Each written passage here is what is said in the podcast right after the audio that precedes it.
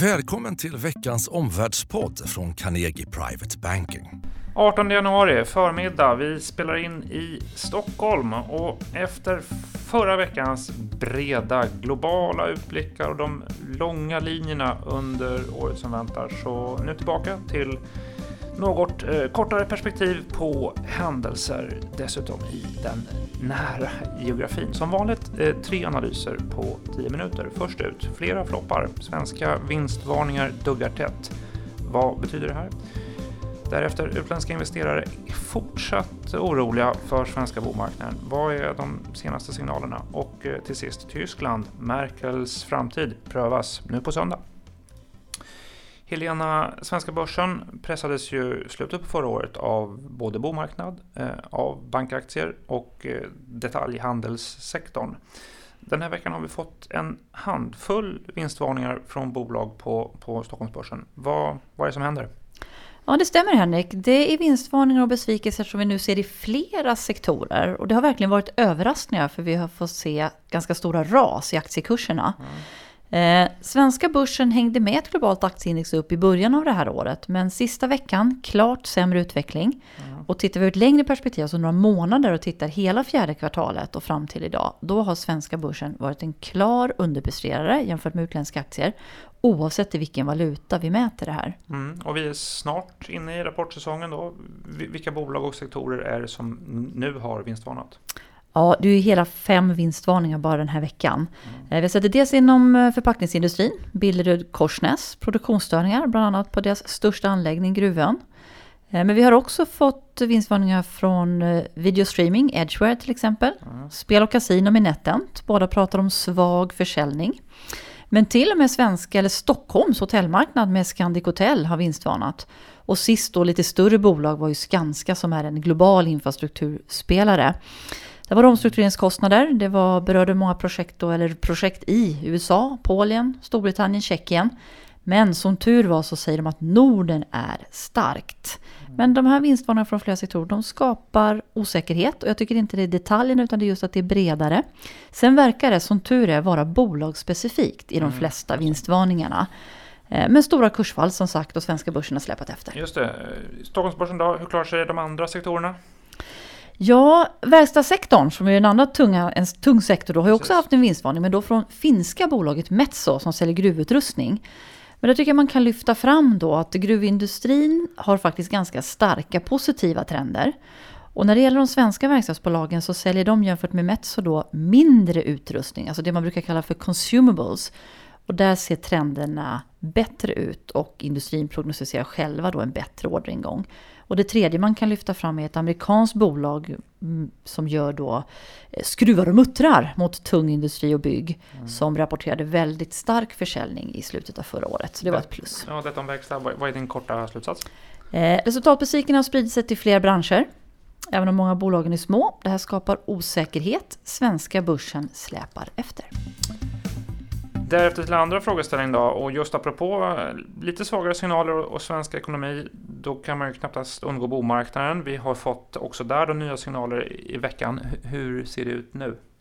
Ja, det stämmer. Det är så att i mitten av varje månad då får vi nya siffror över prisutvecklingen, både på lägenheter och villor. Och då har man två källor då, mäklarstatistik och ValueGuard. Och vi följer precis som Carnegies fastighetsteam då främst prisserien från ValueGuard.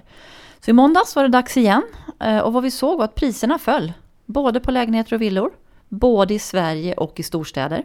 Alltså så hela landet och städerna. Sen var ju fallet mindre än i november. Men det kan man inte bli så glad för, för att så ser säsongsmönstret ut.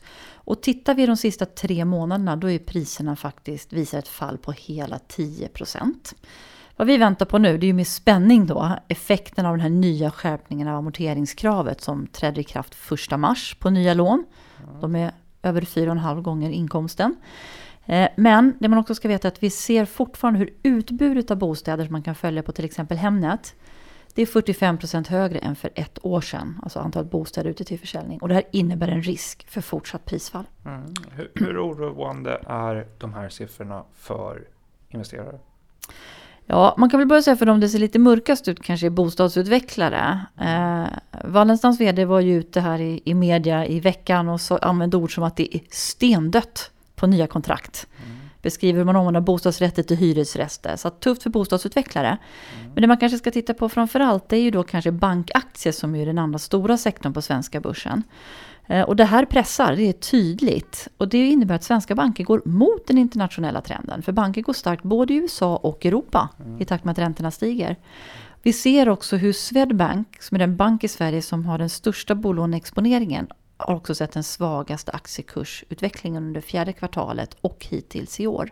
Vad säger utländska investerare? Ja, där kan vi notera på de analyser som vi ser att de faktiskt är mer försiktiga till svensk banksektor.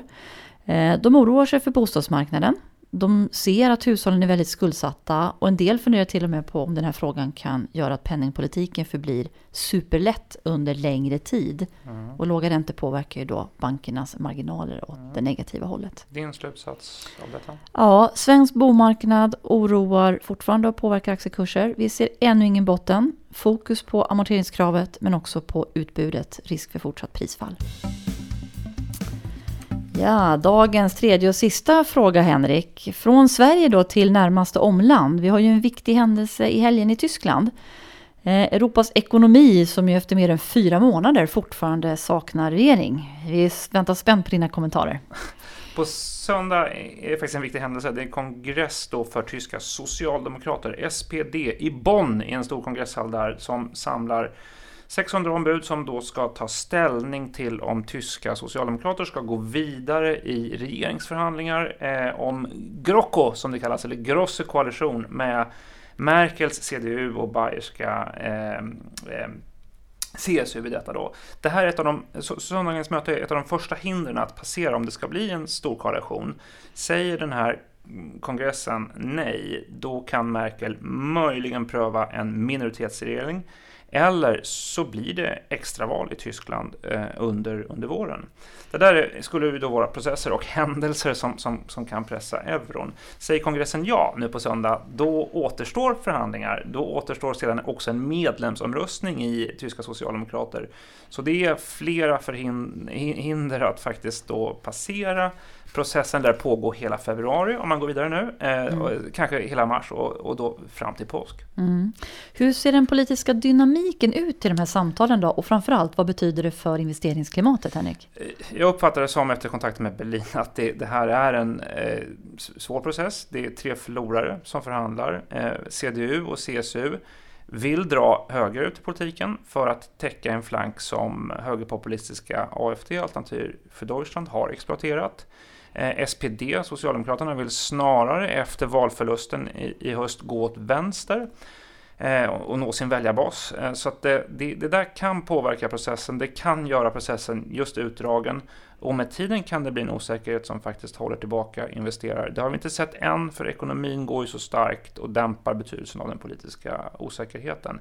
Just att ekonomin går starkt kan också faktiskt indirekt rädda de här förhandlingarna, därför att eh, den starka ekonomin gör ju att tyska politikerna faktiskt badar i skattemedel. De har ett stort reformutrymme, även om det också är långa önskelistor från partierna och allt inte kan fås med förstås, så kan vi, kan vi säkert räkna med att du kommer lösa eh, kompromisser eh, med ökade satsningar, investeringar i framtiden eh, som det heter, och, och därmed lite mindre tysk disciplin i finanspolitiken. Budgetsatsningar, det låter ju både intressant och ovanligt för att vara Tyskland, Henrik. Men vad mer konkret kan det här betyda? Det man kommer överens om i veckan då, vad, eh, som nu ska prövas i helgen, det, det är 28 sidor eh, överenskommelser, ett papper. Man är överens om att det inte ska bli några eh, stora skattehöjningar under perioden framåt. Eh, däremot ökade utgifter för pensioner, ökade satsningar på förskola som minskar barnfamiljernas kostnader för förskola och också olika då välfärdstjänster här. Arbetsgivarna ska ta lite större ansvar för anställda, lite större ekonomiskt ansvar för, för anställdas sjukvårdsförsäkring, vilket kommer öka eh, företagens eh, kostnader. Inte så mycket om strukturreformer, inte så mycket om bolagsskatt att notera efter Trumps i USA här. Eh, notera dock istället samtidigt en ökad offentlig konsumtion, ett ökat utrymme faktiskt för ökad eh, hushållskonsumtion, främst hos pensionärer, eh, fram, eh, främst hos barnfamiljer under då perioden 2018 eh, till 2021. Eh, det här är faktiskt då, kan man kalla för stimulanspolitik. Det är ett ord som annars nästan är, de har inte haft mm. det i Tyskland, så har man pratat om, så har man pratat om sparpolitik. Men nu är det faktiskt stimulanspolitik. Om man ska sammanfatta tyska regeringsbildningen kort, Ja, Henrik? Jag tycker investerare ska hålla koll på utfallet i den här processen. Eh, extraval i Tyskland, eh, ja det skulle pressa euron. Eh, får tyskarna ihop en stor koalition så kan just detta, tysk sparpolitik, förbytas till tysk stimulanspolitik. Ja, dagens tre slutsatser som vi tar med oss. Det är 1. Resultatbesvikelser sprider sig i Sverige och skapar osäkerhet på svenska börsen. Svensk bomarknad, vi ser ännu ingen botten. Fokus på amorteringskrav och utbud. Och 3. Tyska regeringsförhandlingen. Ny stor, stor koalition kan förbyta tysk sparpolitik till tysk stimulanspolitik. Följ oss gärna i digitala kanaler. Eh, på Twitter heter eh, vi snabla Kunskapsbanken och på LinkedIn Carnegie Investment Bank.